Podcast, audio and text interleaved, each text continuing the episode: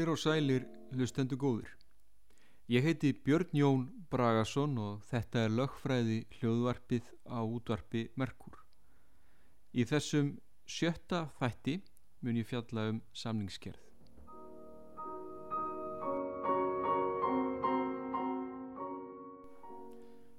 Samningaréttur er ein af undirgreinum fjármunaréttar en fjármunaréttur er líklega efnismesta og fjölsgrúðasta grein lögfræðinar en það fjallar hann um fjárréttindi manna og fjármála gerninga á sviði engaréttar og geymir því flestar réttarreglur um efnahagsleg samskipti manna. Hér er sem sagt um samninga að ræða það sem verður að semja um peninga eða vermaði sem verða metin til peninga.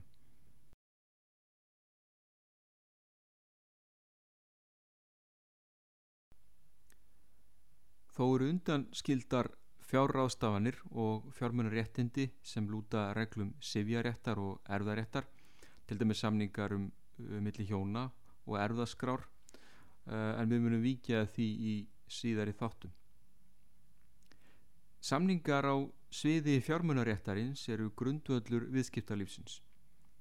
Þessir löggjörningar geta verið mjög margvíslegir en um þá gilda samt sem áður nokkrar sameigilegar megin reglur.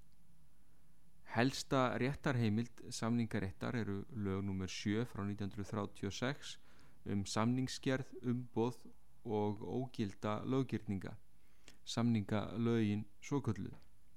Lögin snerta ímsa löggirninga á sviði fjármunaréttar og þau atriði sem fjallaverður um hér í þessum þætti teljast sameigileg fyrir alla löggirninga fjármunaréttar til dæmis kaupsamning, leigusamning og svo framvegis. Um, lögin skiptast í þrjá megin hluta það er stopnun löggerninga umboð eða aðra milligöngu við samningagerð og ógilda löggerninga Samskipti manna sem snúa að réttarreglum eru í því fólkin að menn eiga réttindi eða bera skildur Í eignarétti fælst að eigandi hlutar má hagnýta sér hlut og rástafa honum innan þeirra marka sem lög leifa. Til að menn geti rástafað réttindum sínum og gert bindandi samninga svo gildir síu samkvæmt lögum verða þeir sjálfur að uppfylla viss skilriði. Menn verða að hafa hæfi til að binda sig með samningum með öðrum orðum skilja hvað þeir eru að gera. Á Íslandi njóta allir menn rétt hæfis sem svo er kallað. Hugtækið rétt hæfi er skilgreint sem hæfi manna til að eiga réttindi og bera skildur. Það er hæfi til að vera réttar aðili. Sérkver maður getur verið réttar aðili. Jafn skjótt og barn er lifandi fætt nýtur það rétt hæfis. Á það engu að síður við þó að barn lifi aðeins skamma stund eftir fæðingu til dæmis myndi það taka arf ef því væri að skipta. Í sumum tilfellum er fóstri, gemdur eða áskilin réttur ef það fæðist lifandi. Rétthæfi líkur síðan við dauða manns. Látin maður getur hvorki átt réttindi nefnbórið skildur. Réttindi þau sem eftir eðli sínu eru svo bundin manni að hann eitt getur notu þeirra falla niður við andlát hans má það nefna ímis pólitísk réttindi svo sem kostningarétt og kjörgengi ennbættisgengi e, flest atvinnuréttindi og flera fjárréttindi falla hins vegar yfirleitt ekki niður við andlót manns heldur færast yfir á aðra aðila það er erfingja hins framleiðna hugtakið gerhæfi er skilgreint sem heimild eða hæfi manna til að ráðstafa réttindum sínum sjálfur og til að takast á hendur skuldbyttingar á eigin spýtur. Þó að allir menn, hversu ungir sem þeir eru, njóti rétthæfis, gegnir öðru máli um gerhæfi. Þótt til dæmis barni vöggu geti átti eignir, er það með öllu óhæft og ófært til að fara með stjórn þeirra eigna og rástafa þeim. Vegna réttaræðila sjálfs og þjóðfélags hagsmuna verður að setja það skilirði fyrir gerhæfi að maður hafi náð þeim andlega þroska að hann hafi sæmilegan skilning á því hver réttar áhrif svo ráðstöðun eða aðtömm sem um er að ræða getur haft fyrir hann. Í barnæsku skortir menn slíkan skilning. Geðveikir menn njóta rétthafis. Slíka menn myndi hins vegar oft skorta skilning til að stjórna málefnum sínum skinsanlega og á þann hátt sem þeim sjálfum og vandamönnum þeirra væri fyrir bestu. Því er óæðilegt að þeir hafi gerhafi. Af hagkvæmnis ástæðum er svo leið oftast valin í þessu efni að binda gerhafi æskumanna við ákveðin aldur.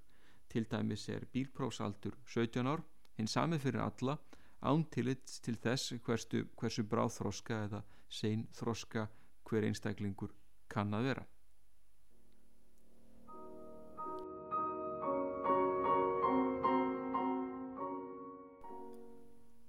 Svo grein gerhæfis sem mestu skiptir nefnist lögræði. En lögráða verða menn átjón ára. Lögræði er tvennskonar, sjálfræði og fjárræði. Fólk sem gengur í hjúskap fyrir átjón ára aldur verður lögráða upp frá því. Í sjálfræði fælst að menn ráða einir öðru en fjesínu nema lög mæli öðru við sjáum. Sjálfræða maður ræður persónlum högum sínum, til dæmis dvalastað, hann ræður vinnusamningum og sjálfsabla fjö. Forsjár skilda fóreldra fellur niður við átjónaraldur en það eru skildur fóreldra til að ráða persónlum högum barnsins. Sjálfræða maður getur gert vinnusamninga á eigin spýtur eh, en rjúfi sjálfræða maður lögmæta vinnusamninga getur það varðaðan skadabótum. Fjárraðamadur ræður yfir fjersínu og getur gert samninga sem varða peninga. Ófjárraðamadur ræður hins vegar ekki fjersínu nema því sjálfsabla fér sem hann hefur þegar unnið fyrir. Ófjárraðamadur ræður sjálfur gjafa fjersínu nema gefandin hafi mælt fyrir á annan veg eða lög hveði sérstaklega öðruvísi áum. Forráð ófjárraðamanns yfir sjálfsabla fér og gjafa fér heimila honum ekki að stopna til skuldar eða veðsetja fjármunni. Ófjárraða maður getur ekki farið í skadabótamál. Þar er því lögraða maður hans að koma til aðstóðar. Um, ákvæði um löggerninga ólögraða manna eiga við hvort sem umverðar að maður sé ólögraða fyrir æskusakir e, og þegar maður hefur verið sviftur lögræði löggerningar ólögraða manns sem hann hefur ekki eh, hafði ekki heimil til að gera binda hann ekki í lögræðis lögum nr. 71 frá 1997 er að finna reglur um riftun þeirra samninga sem ólögráða maður brestur heimil til að gera og skilaskildu vegna riftunar nú svifting lögræðis verður aðeins framkvæmt með úrskurði dómara. Hægt er að svifta mann sjálfræði einu sér, eh, fjárræði einu sér eða hóru tvækja. Einni getur svifting lögræðis verið tímabundin en þó aldrei skemur en sex mánuði.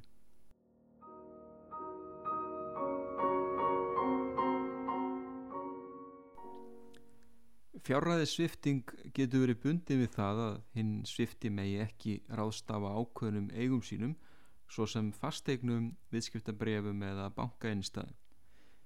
Helstu ástæða þess að maður er sviftur fjárræði eru að maður er ófærum að ráða persónulegum högum sínum eða fyrir vegna andlegs vanþróska, ellisljóleika, geðsjúkdóms eða, eða vegna annars konars hilsu-hilsubrests. E, eða þá að maður sögum ofdrykju eða misnótkunar fíknefna er ófærum að ráða högum sínum. Og svo getur líka verið ástæð þess að maður sé sviftur sjálfræði að nöðsinn beri að vista hann án hans samþykis á sjúkrahúsi eins og ég ætla að koma hér að á eftir. Þeir sem geta krafist þess að maður verði sviftur lögræði eru nánir aðstandendur.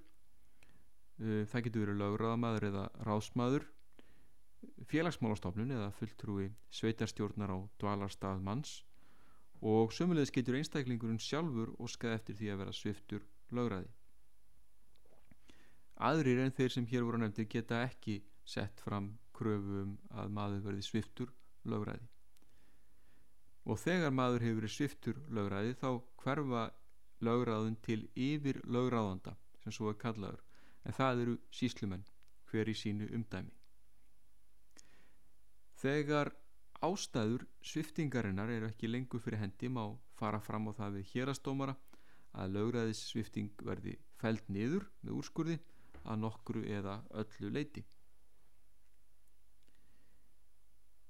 Það er ekki ekkert að halda manni gegn vilja sínum á sjúkrahúsi undir venjulegum kringumstæðum en stundum þarf að grýpa til slíkra aðgerða til dæmis vegna geðveiki. Í lögræðislögunum er reynd að styrkja réttastöðu þess sem vistaskal gegn vilja sínum. Læknir getur ákveð að sjálfráða maður skuli færður og vistaði nauður á sjúkrahúsi ef hann er haldinn alvarlegum geðsjúkdómi eigi við áfengis fíkna stríða eða ofnaut ávana og fíknefna. Frelsiskerðing af þessu tægi má ekki standa lengur enn í 48 klukkustundir. Beðinu um nöðungarvistun skal beint til dómsmálaráðunautis sem getur samþygt að vista sjálfráðamann gegn vilja sínum á sjúkrahúsi til meðferðar í alltaf 21 sólaring séu tiltíkin skilirði fyrir hendi og nöðungavistun er óhjákvæmilega mati læknis. Ákvörðun um nöðungavistun á sjúkrahúsi er því stjórnvalds ákvörðun og fer eftir stjórnsýslu lögum. Þeim sem vistaður er nöðugur á sjúkrahúsi er að sjálfsögðu heimilt að bera ákvörðun ráðunitis um nöðungavistun undir domstóla.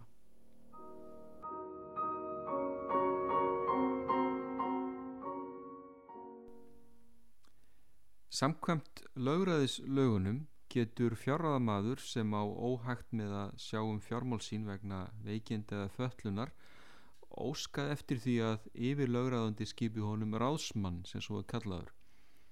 Ráðsmann er falin umsjón tiltekina eigna sem helstar eru fasteignir, viðskiptabref og innstæður í böngum. Eh, ráðsmaður verður að vera fjársýnsráðandi og öðru leiti ráðvandur og ráðdeildar samur eins og það er orðað. Ef þörg krefur þá má skipa fleiri en einn ráðsmann. Helstu réttar áhrif þess að manni er skipaður ráðsmaður eru þau að þá missi maður rétt til að fara með ráðstafa og takast á herðar skuldbyttingar vegna þær eigna sem ráðsmanni hafi verið faldar til umsjónar.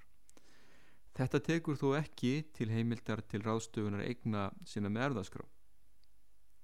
Aðrir löggerningar skjólstæðings uh, ráðsmanns um, eign binda hann ekki nema löggerningur hafa annarkort verið staðföstur af ráðsmannum og eftir aðtökum yfirlöguraðanda eða löggerningur hafi verið endur svo skuldbindandi sé fyrir skjólstæðingin. Uh, algengast er að foreldrar barna sem eru ólögráða fyrir æsku sakir svo þeir sem koma barni í fóreldra stað ráði persónulegum högum þess, fjárráðum og dvalastað. Þau lögráð kallast forsjá og um forsjá fer samkvæmt ákvæðum barnalaga og lögum um vernd barna og unglinga. Yfir lögráðandi skal skipa þeim sem er ófjárráða fyrir æskusækir fjárhaldsmann njóti hans ekki við eða ef fjármálum barns þykir ekki nægilega borgið í höndum þess fjárhalsmann sem fyrir er. Yfir lögræðandi getur skipað þeim sem ófjárhaða er fyrir æsku sakir sérstakann fjárhalsmann til að reyka tiltekið erindi, verið að segja ef þess gerist þörf. Sé maður sviftur sjálfræði eða fjárræði eða hvortvekja skal yfir lögræðandi skipa honum lögræðamann.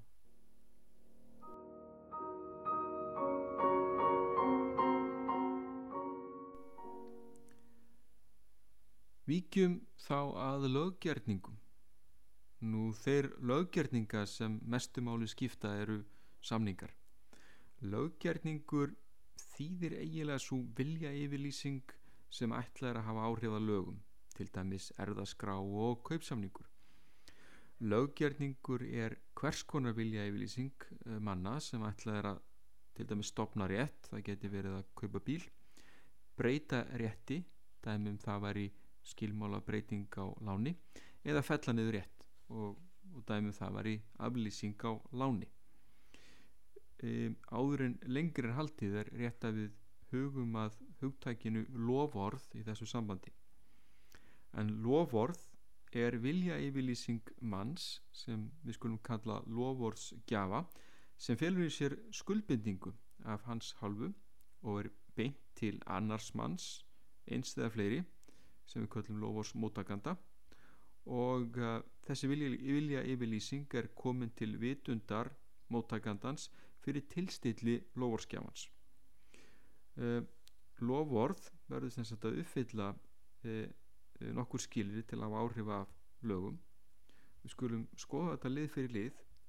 Fyrir það fyrsta þá þarf að vera um vilja yfirlýsingu að ræða.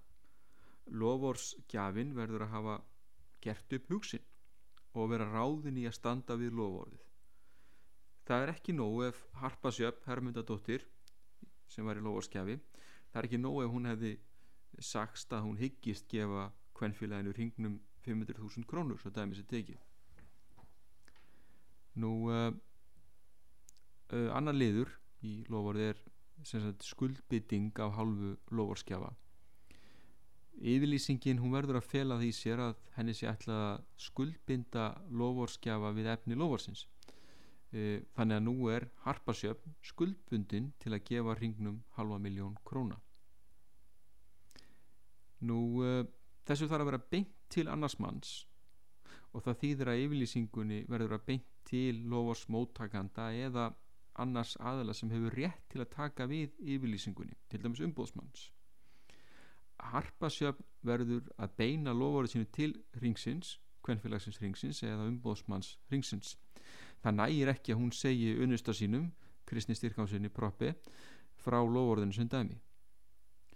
Nú uh, uh, lovorið þarf að koma til vitundar lovors móttakanda og til þess að lovorið verið bindandi þá verður lovors móttakandin að hafa kynnt sér efni lovorsins ekki nægir að yfirlýsingin sé komin til lovors móttakandans þetta þýðir að forsvarsmaður ringsins sem dæmi verður að búin að lesa eða kynna sér efni lovorðs hörpusjafnar til að verið bindandi. Það er ekki nóg að bref hennar liggi ólesið á skrifborði formans kvennfélagsins ringsins.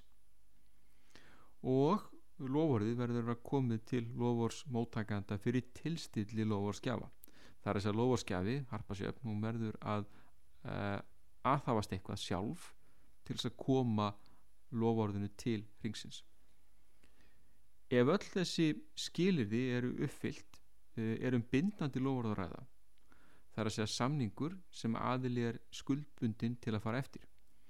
Og hvernfélagi ringurinn gæti þá leitað réttarsins fyrir domstólum ef Harpasjöf Hermundadóttir greiði ekki upphæðina sem hún búin að lofa að greiða og þannig fengi hann að dæmda til greiðslu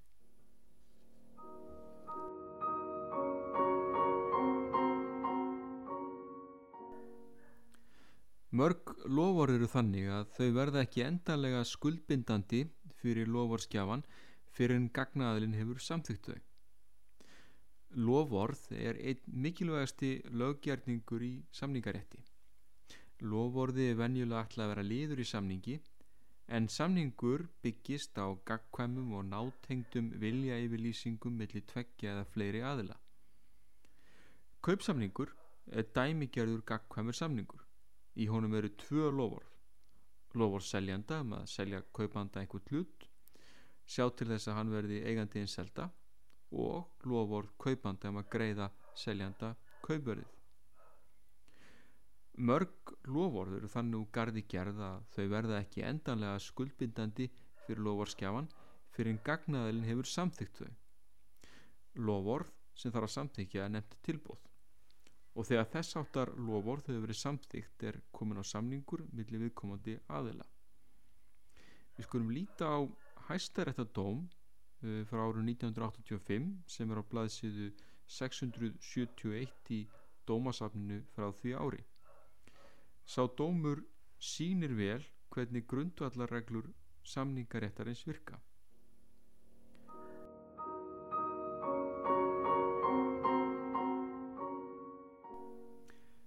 Málavextir voru þeir að til sölu var íbúð við Nóatún í Reykjavík.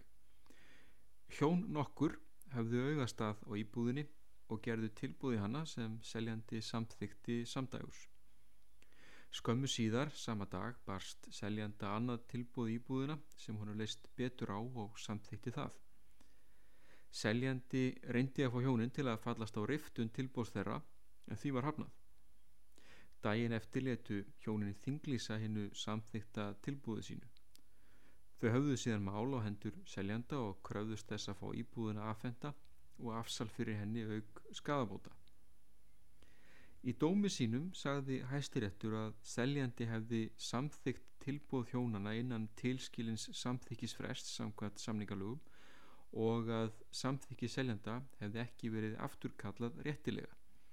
Því hefði komist á bindandi samningur um kaup á íbúðinni og seljanda bæri að efna samningin af sinni hálfu. Hjónin hafðu einnig sínt í vilja verki til að efna samningin en þau þinglistu tilbúðinu og emdu greiðslu sína með því að deponera sem er að geimslu greiða í banka síðari samningsgerð selenda braut því báa við samningsskildur hans gagvart hjónunum og sangkvæmt þessu áttu hjónin lögmænda rétta að fá afsal fyrir íbúðinu úr hendi seljanda. Og þá voru liðin þrjú ár frá því að setni kaupandin e, fekk íbúðuna aðfenda og hann var að rýma íbúðina.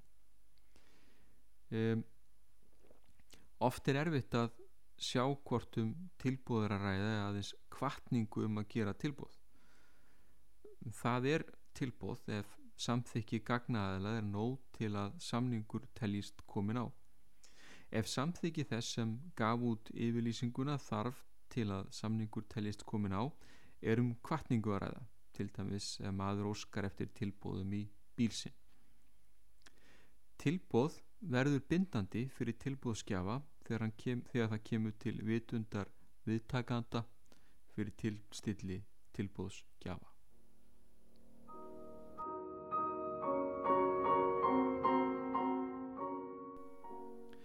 Lítum á nokkur fleiri grundvallaratriði samningaréttarins meðalans hvað var þar afturköllun. E, það er hægt að afturkalla samninga e, undir ákvönum kringum staðum þar að segja og afturköllun er gild ef hún kemur til gagnaðila áður eða samtímis því að tilbúið kom til vitundarhans. Afturköllun er gild þó svo að tilbúðsmóttakandin hafi ekki kynnt sér hana það nægir að afturköllunum sé komin til hans. Í greina gerð sem fylgdi samningalögunum er gerð ítaleg grein fyrir þessum meginreglum. Þar segir að komi hvortveikja samtímis til tilbúðs móttakanda tilbóð sendt í brefi og afturköllun í öðru brefi með sama pósti þá veldi gildi tilbóðs á því hvort brefið tilbóðsmóttakandi lesi fyrr e, slikt sé ekki heppliregla vegna þess hversu erfitt er að sanna hvor yfirlýsingin kemur fyrr til vitundar tilbóðsmóttakanda þess vegna er nóg að afturköllunu sé komin til tilbóðsmóttakanda e, til, til þess að hún sé skuldbindandi. Móttakandi þarf ekki að vera búin að lesa afturköllum e, líka formreglur við skulum líta stuttlega á þær en samkvæmt íslenskum rétti eru löggerningar almennt ekki formbundnir það þýðir að munlegir samningar eru jafngildir skriflugum frá þessu eru þó ímsar undantekningar.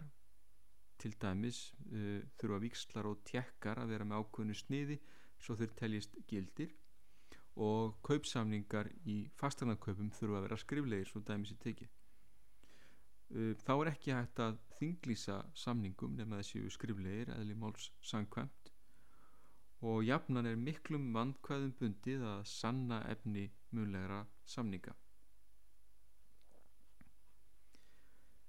Eins og uh, aðrar rafrænar upplýsingar eru rafrænir samningar engungu minnstur úr rafhleðslum og eigðum sem hægt er að senda á meðli tölva og með rafbóðum rafrænar upplýsingar eru allajafna aðgengilegar og varðveitanlegar með vél og hugbúnaði með sambærlum hætti og skriflegar upplýsingar rafrænu upplýsingarnar má síðan lesa af skjá og eða prenta, prenta þær á blað.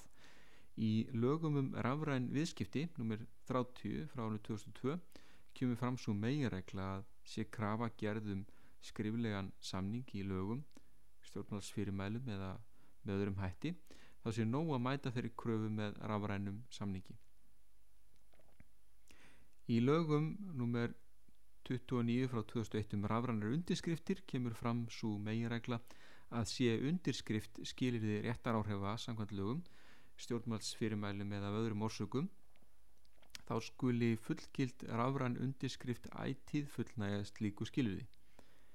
Í hugtækinu rafrann undirskrift fælst ekki skönnuð mynd af handreitari undirskrift heldur átt við þau gagn sem vera til þegar tildekinn búnaður eða aðferð er nótu til þess að brengla efni rafræðnar sendingar með ákveðnum hætti.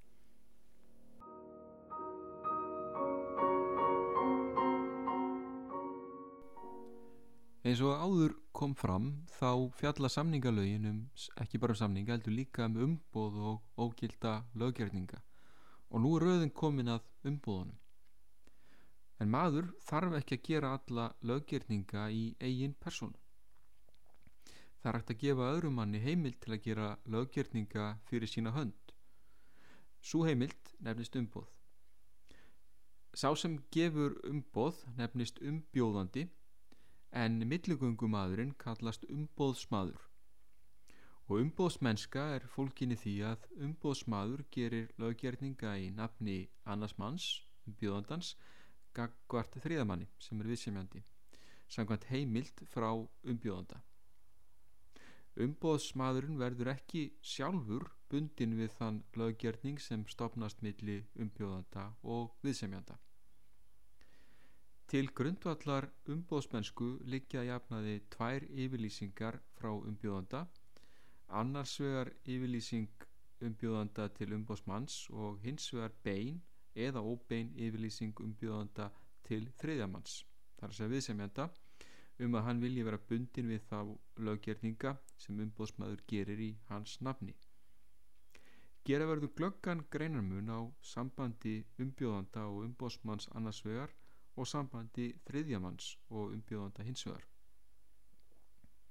Lítum þá á tegundir umbóða en umbóð skiptast í annars vegar sjálfstæð umbóð og hins vegar munleg umbóð eftir því hvernig þau horfa við þriðamanni þar þess að viðsemjanda. Engar sérstakar formreglur gilda um það hvernig umbóð skuli vera. Umbóð þurfa því ekki að vera skrifleg. Uh, munleg yfirlýsing um, umbjóðanda við umbóðsmann getur verið næjanleg. Uh, þegar umbóðsmaður fær munlega heimild frá umbjóðanda til að gera löggjörninga í hans nafni er engri tilkynningu beint til þriðamanns eða sem sagt viðsemjanda. Heldur verður hann að taka orð umbóðsmanns trúanleg ef hann á annað borð eh, ef hann vill á annað borð semja við umbóðsmann áhætta þriðamanns er hér meiri en þegar um sjálfstæð umbóð er að ræða þá hefur viðsemjandi við annað og meira stíðast en orð umbóðsmanns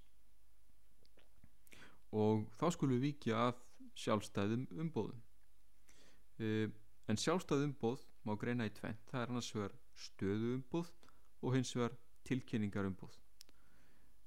Stöðu umbóð eh, er umbóð sem starfsmæður vinnuveitanda hefur á vissu sviði til þess að gera löggerninga fyrir hönd vinnuveitandans. Það er skilir því að starfsmæðurinn vinni hjá viðkomandi aðila og að löggerningur varði þann starfa sem um er að ræða.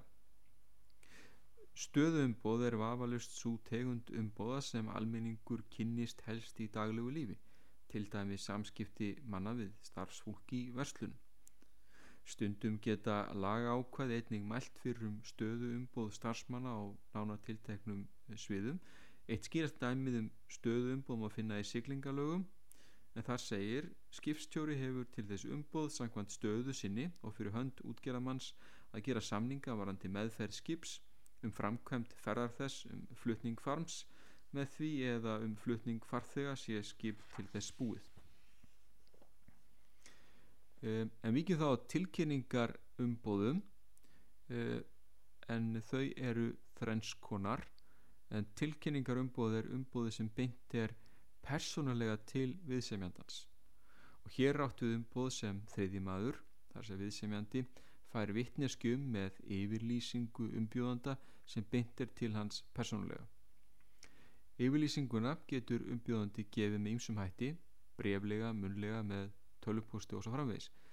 Nú tilkynningar umbóð geta verið þrænskonar eins og ég nefndi fyrir að fyrsta er umbóð skjál hand umbóðsmanni en umbjóðandi getur fengið umbóðsmanni hendur uh, skjál umbóð skjál þar sem gerðir nánari greiðin fyrir umbóði uh, þá er allast til þess að umbóðsmaður síni þriðamanni skjalið til að sanna umbóð sitt.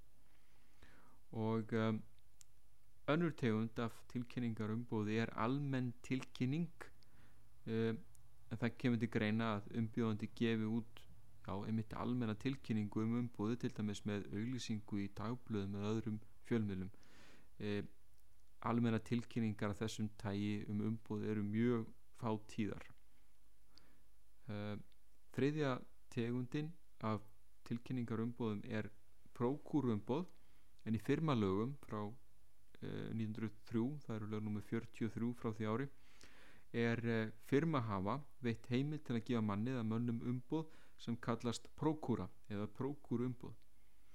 Það að reyta firma merkir að reyta nafn það sem notað er við viðkomandi atvinnu og við undirskrift fyrir hana. Prókúruhafi má gera alla minniháttar eh, alla samninga fyrir hönd fyrirtækis en hann má þó ekki selja eða veðsetja eigur þess. Þegar prókúruhafi rítar fyrir hönd fyrirtækis er það gert með skamstöfunni pr.pr. það er að segja per prókúru og skrifar hann síðan nafn sitt undir.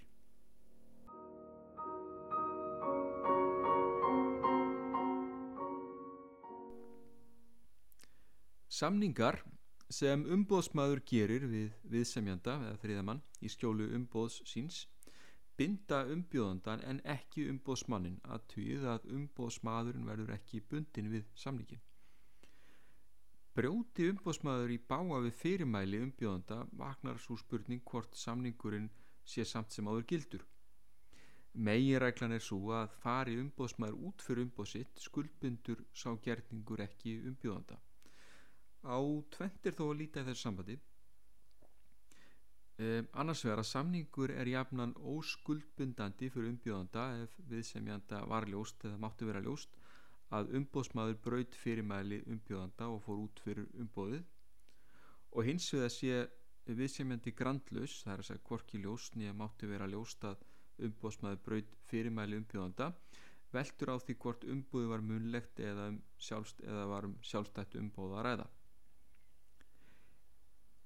Ef umbóðsmaður hefur einungis munlegt umbóð þar sem þriðji maður verður að treysta orðum umbóðsmanns er rík ástæða fyrir hann að sína varkárni og eh, eðlegt að hann beri frekar en umbjóðandi áhættunu á því hvort umbóðsmaður skýri rétt frá umbóðu sín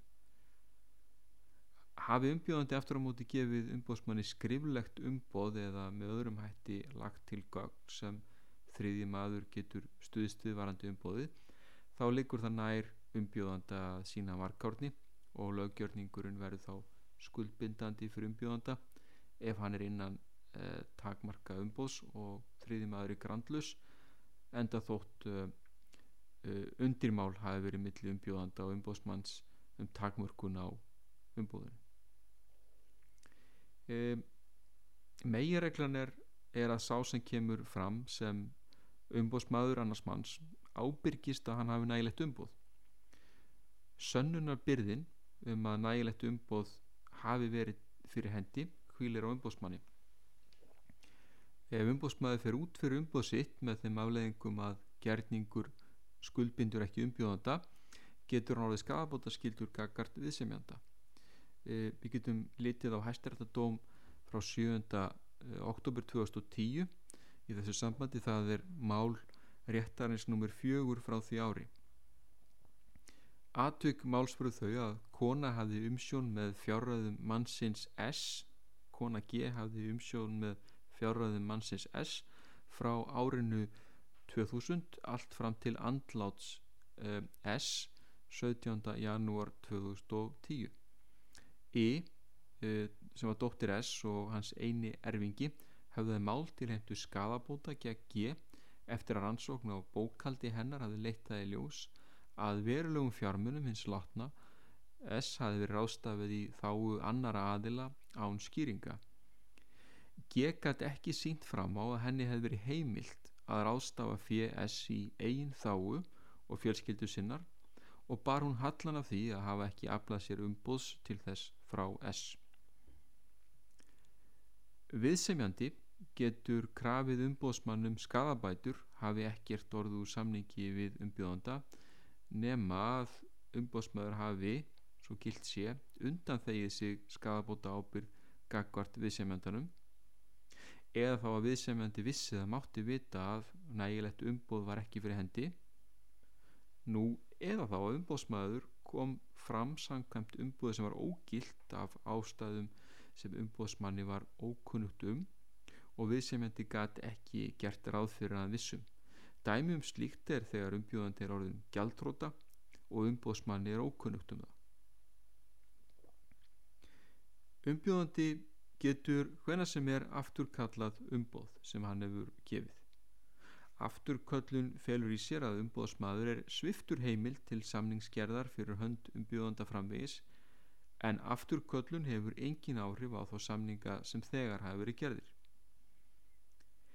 yfirleitt á umbjóðandi að nota sömu eða hliðstæða aðferð við að afturkalla umbúði og hann notaði þegar hann gaf það.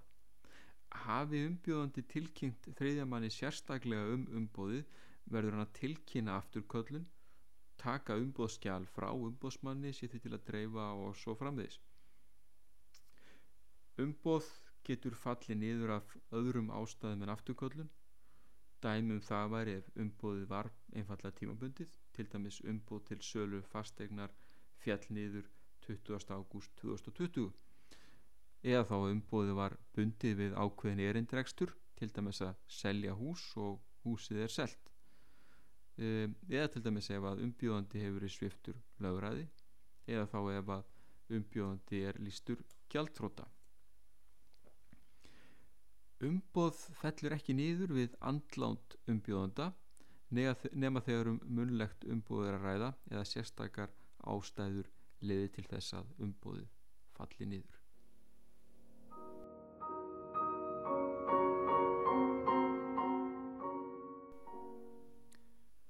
Við höfum verið að ræða hér um uh, samningalögin, við höfum rætt um samninga, uh, hæfi til samningsgerðar og umbóð og nú eru komin að, að síðasta kabla lagana sem er um ógilda löggjörninga eh, en ef samningur telst ógildur eh, það, eða það að samningur telist ógildur eh, þýðir að hann skapar hvorki þau réttar áhrif sem efni að svísa til nýja að hann getur orðið grundvöldur að skadabótum en til þess að samningur sé gildur þá þurfa aðilar að samnings að hafa hæfi til að skuldbinda sig og við máum áður talað um hæfi manna.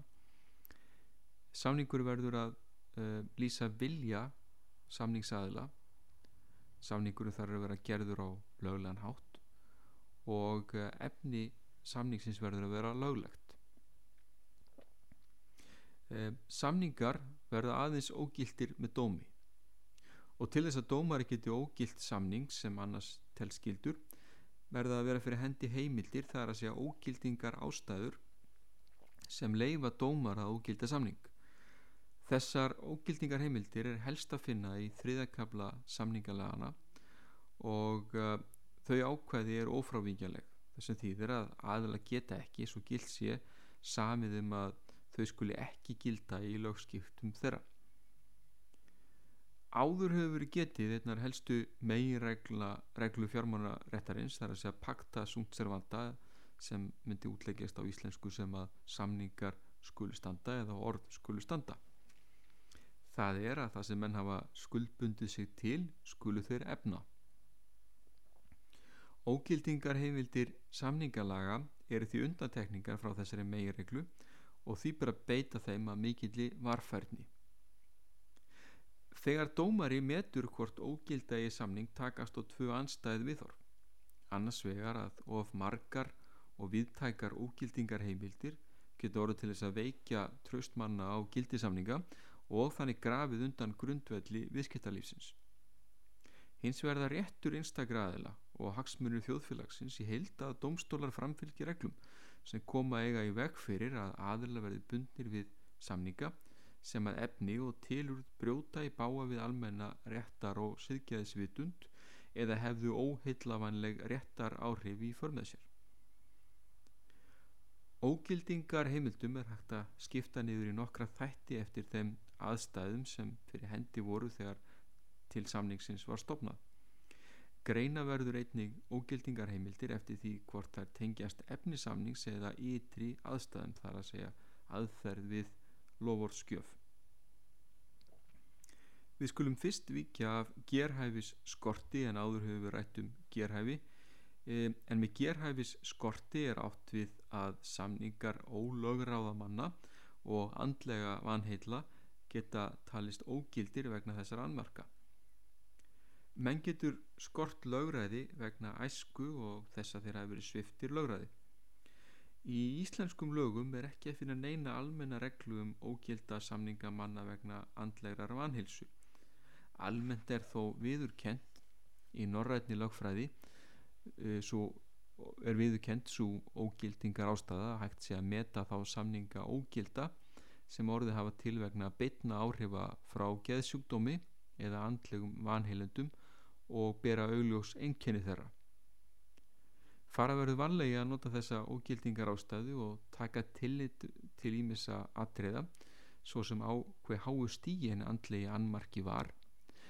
Var efni samningsins óvönulegt, var það yfirgrifsmikið eða flókið og var samningur hún hagstæður eða óhagstæður þeim geðveika.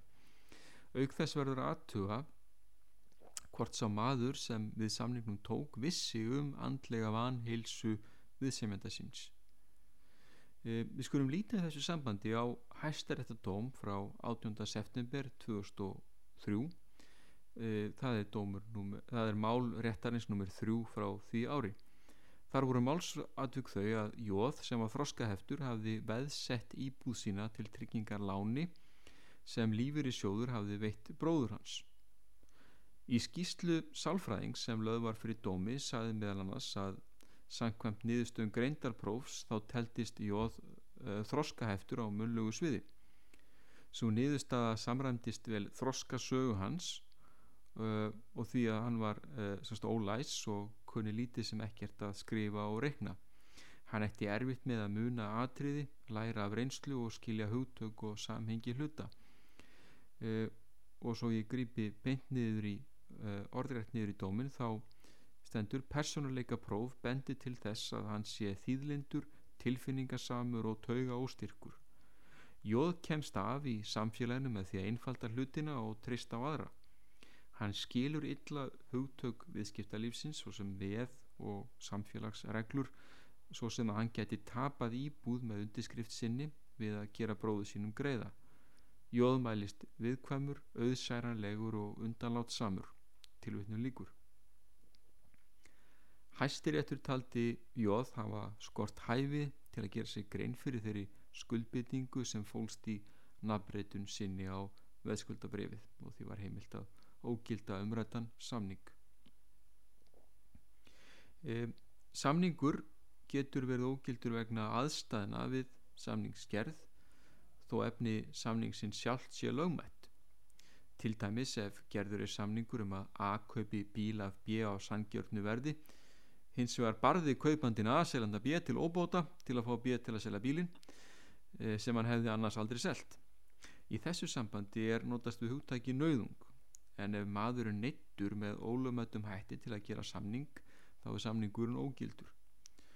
Greina verður á milli meiri háttar og minni háttar nauðungar. En meiri háttar nauðung er fólkin í líkamlegu óbeldi eða hótunum að beita því þegar í stað Samningur sem verður til við meiri áttar nöðung er ógildur gagant hverjum sem er líka grandlausum. En minni áttar nöðung er þá sálran nöðung til dæmis hótunum æru meðandi skrif. Slíkur samningur er ógildur gagvart þeim sem beitir nöðunginni eh, en gildur gagvart grandlausu.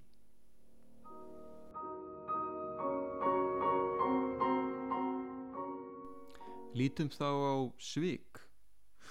Það eru köllu svik þegar maður með ólögmættum hætti og gegn betri vitund gefur rángar upplýsingar eða leinir atriðum sem máli skipta með þeim ásetningi að fá annan aðla til að stopna til samnings. Sá sem svikunum beitti verður að hafa gert sig grein fyrir að hinnar sviksamlu upplýsingar, upplýsingar voru ákvörðunar ástafa viðsemjandans við samningskerðina. Dæmi um sviksamlegt aðtæfi er þegar seljandi bifræðar skrúvar niður kilometramælin eða seljandi fastegnar setur stóran skáp fyrir rakaskemtir á veggi í stofu. Annað hugtak sem við skulum líta á er misneiting en það fælst í því að maður nota sér báinn til annars manns, einfeldni hans, fákunnáttu eða léttúð nú eða það að hann er honum háður í því skynið afla sér hagsmuna eða áskila sér þá þannig að bersýnilegur mismunur er á hagsmunum þessum og endurgjaldið því sem fyrir þá kemur eða koma skal eða þá að hagsmunir þessi skuli veitir byllinis án endurgjalds. Mjög gott dæmi um þetta er hæstarættadómur frá 1980 hann er á blaðsíðu 1415 í dómasafninu frá því ári. Þar var kaupsafningur gerður um íbúð uh, sem á, og kaupsamningur var dæmtur ógildur uh, á grundvelli misneitingar málavextir voru þeirra að hjón nokkur vildu selja íbúð sína. Nágranni þeirra sem bjó í sama húsi hafði augastað á íbúðinni og bauði hana talsvert lægra en fastegnarsali hafði metið íbúðin á. Aug þess voru greiðslu skilmálar óvenjulegir. Útborgun til seljanda var hann er engin og sami var um að að seljandi tæki íbúin að leigu í eitt ár og átti hluti að kaupurinu að greiðast með leigugjaldi. Nokkur setna vildu hjónin fá samningin dendan ógildan á grundvelli misneitingar.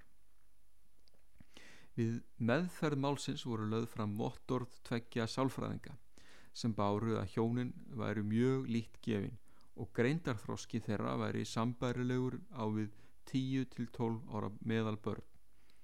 Þau var í barnaleg, trúgjörn og grandlaus. Í dómi hæstarætta sagði að mat fastegnasalans veitti ótvíraða vísbendingu um að kaupandin hefði samið um mun lægra kaupverðin eðlilegt væri. Kaupandanum sem bjó í sama húsi og hjónin hliti að hafi ljóst eins og kinnum hans og þeirra var háttað að einfeldni og fákunnáta hafi ráðið því að hjónin hefðu samið sér svo mjög í óhag. Hæstiréttur taldi sannað að kaupandin hefði nú tvert sér þann mun sem var aðstöðu hans og hjónana þannig að ekki væri skuldbindandi fyrir þau og því mátti ógilda samningin Það er meginregla í íslenskum rétti að maður verður ekki bundin við þann samning sem annar maður gerir í hans nafni nefn að hann hafi heimil til þess til dæmis, til dæmis umbúð umbúð fölsun þá er annars er að vera aðeins fölsun og fölsun getur verið tvennskona, það er algjör fölsun það er að segja fölsuð undirítun e, eða fölsun og efni það er að segja þegar upphæðum er breytt. E, Viljaskortur nú ef samningum e, samningur verður annars efnis en til var ætlas til dæmis vegna mismælis eða misritunar þá kemur tventi greina við skoðum annars vegna viljakenninguna en hún felur að í sér að samningur skuldbindur aðeins samningskjafa hafi hann viljað skuldbinda sig eða þá við lítum á tröstskenninguna að tug, það sem áður hefur komið fram orð skulu standa. Hafi samningskjafi gert mistök þá ber hann hallan af því. Nú óheðarleiki í samningalögum er ógildingar ákvæði sem er eins konar varnagli. Maður má ekki bera fyrir sig samning sem óheiðarlegt er að bera fyrir sig, til dæmi sem maður í lífsháska lofar að gefa björgunamanni aðlegu sína. Efnis annmarkar lítum á þá, samningar anstæði lögum eða góðu siðferði geta orðið ógildir, lofórðum framkvæmt ólögumætra og refsiverðra aðtapna er ógild. Aftur á móti er ekki sjálfgefið að samningur sem brítur í báa við laga ákveði sé ógildur. Samningskerðin kann að baka öðrum aðrann refsingu til dæmis að hafa vínvitingahús opið fram yfir leifilegan afgriðslutíma. Seljum aður hins vegar manni yngre en 20 ára áfengi er slíkur samningur ógildur og ennfremur má nefna að samningar einstakra launþega og vinnuveitenda um lakari kjör en almennir kjarasamningar hveð áum eru ógildir. Þróun síðar ára hefur verið mjög í þátt að þrengja samningsfrelsi með ímiskona lögjöf, til dæmis neytjandakaupa lögum og samkefnislögum, eins og fram hefur komið í fyrri þáttum. Uh, við skulum þá líta á forsendur en forsendur eru ástæðunar eða kvatin fyrir því að samningurinn var gerður. Það fer síðan eftir atvögum hvort eða hvað miklu leiti viðsefniðandinn gerir sér grinn fyrir þeim ástæðum sem gagnaðileg hans hefur til samningsgerðar. Forsendur geta brostið vegna atvöka sem síðar verða kunn eða koma fyrir eftir að samningur er gerður. Dæmi um brostna forsendu er þegar maður kaupir sér skíðafell útlanda en fótbrotnar áður hann kemst í ferðina. Slíkur forsendubrestur er svo personubundin að ekki er tali heimilt að fella samningin um kaup á skíðaferðinu úr gildi. Megin regla er að menn verði að standa við samninga sína eins og marg oft hefur komið fram í þessum þáttum og að gerða samninga skuli halda eh, en viðukent er að brostinn forsenda geti verið ógildingar ástæða samnings og hafa verður í huga að slíkt er algjör undantekning frá megireglunum og verður að tólka ógildingar heimild þessa mjög þröngt því almennt sé verða menna að bera sjálfur áhættuna því að fossendur þeirra bregðist. Til að fossendur geti verið ógildingar ástæður einhvern tvö atrið sem þarf á í huga forsendan þarf að hafa verið ákvörðunar ástæða fyrir samningnum og sá sem við samningum tók þarf að hafa gerð sér grein fyrir því að forsendan var ákvörðunar ástæða. Í eh, samningum eru oft svo kölluð force majeure ákvæði sem taka til óviðræðanlegra og ófyrir sjáanlegra ytri atvika sem kunna að ákveðnum skiluðum við fylgtum að leysa samningsæðala undan emdum samnings eða fresta skuldbyrningum. Það er áriðandi að tilkynna viðsemjanda strax um þau atvik er kunna að leiða til vanemda á samningsskuldbyrningum og áhrif þeirra á framkvæmt viðkomandi samnings. Nú farsóttir og afleðinga þeirra geta mögulega talist til force majeure en þá þarf að líta til nokkur á þáttar. Og uh, við skulum spyrja okkur spurninga í þessu sambandi var samningsaðalega ómögulegt að efna samningin vegna farsóttarinnar? Er hægt að sína fram á bein, bein orsaka tengsl milli atviksin sem um ræðir og ómöguleikans? Og hefur verið greipið til eðlera ráðstafana til að koma í vekk fyrir ómöguleika.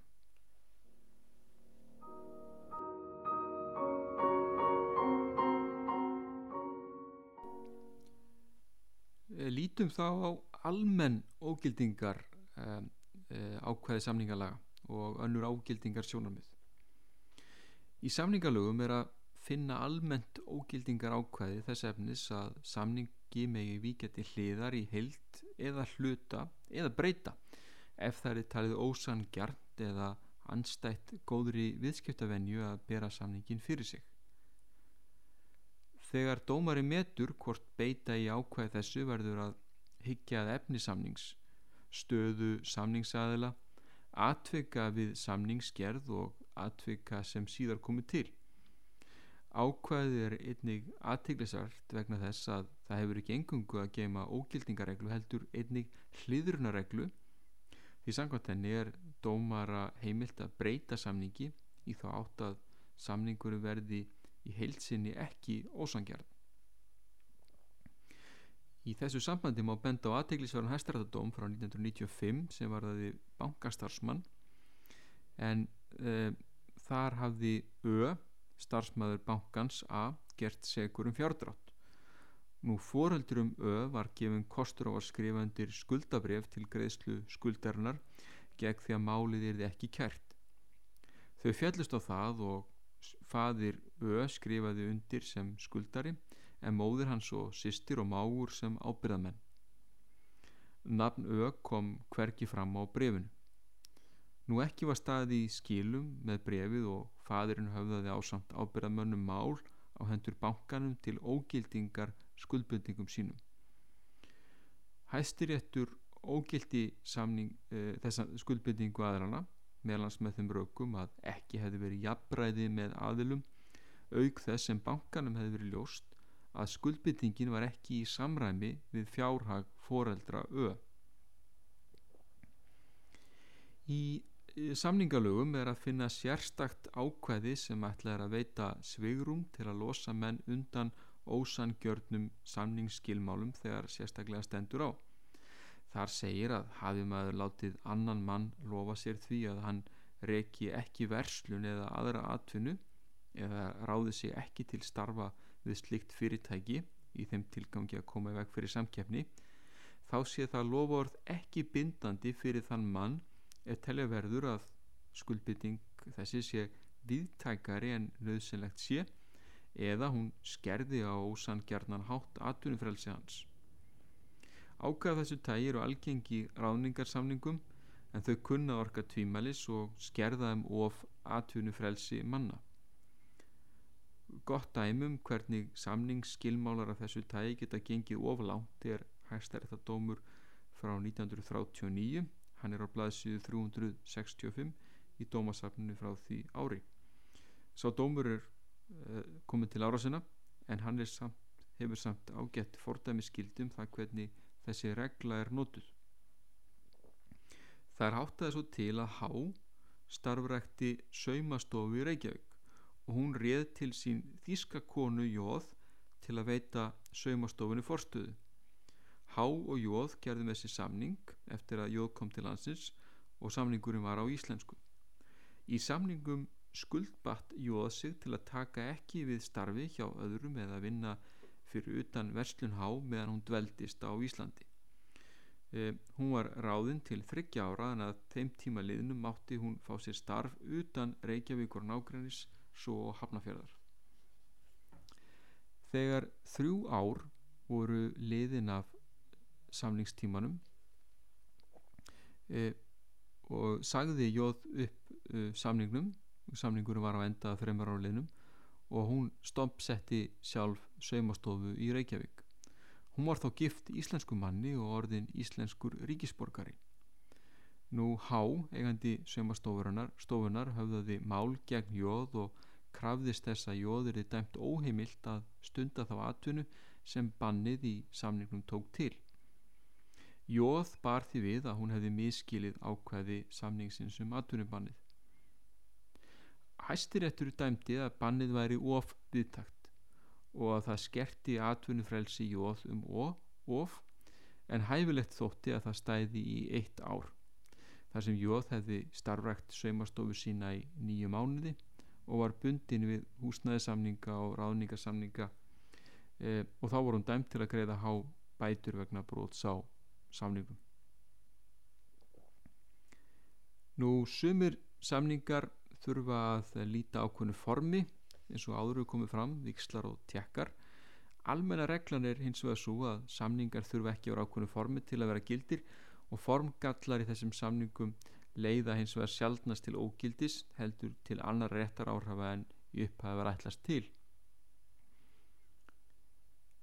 Við skulum hér víkja aðeins að neytenda viðskiptum en ógildingar heimildir samningalaga hafi verið rýmkaðir mjög á setni árum að fyrirmynd norrætna þjóða en einnig vegna áhrifa frá samningnum Európska efnaðarsvæði.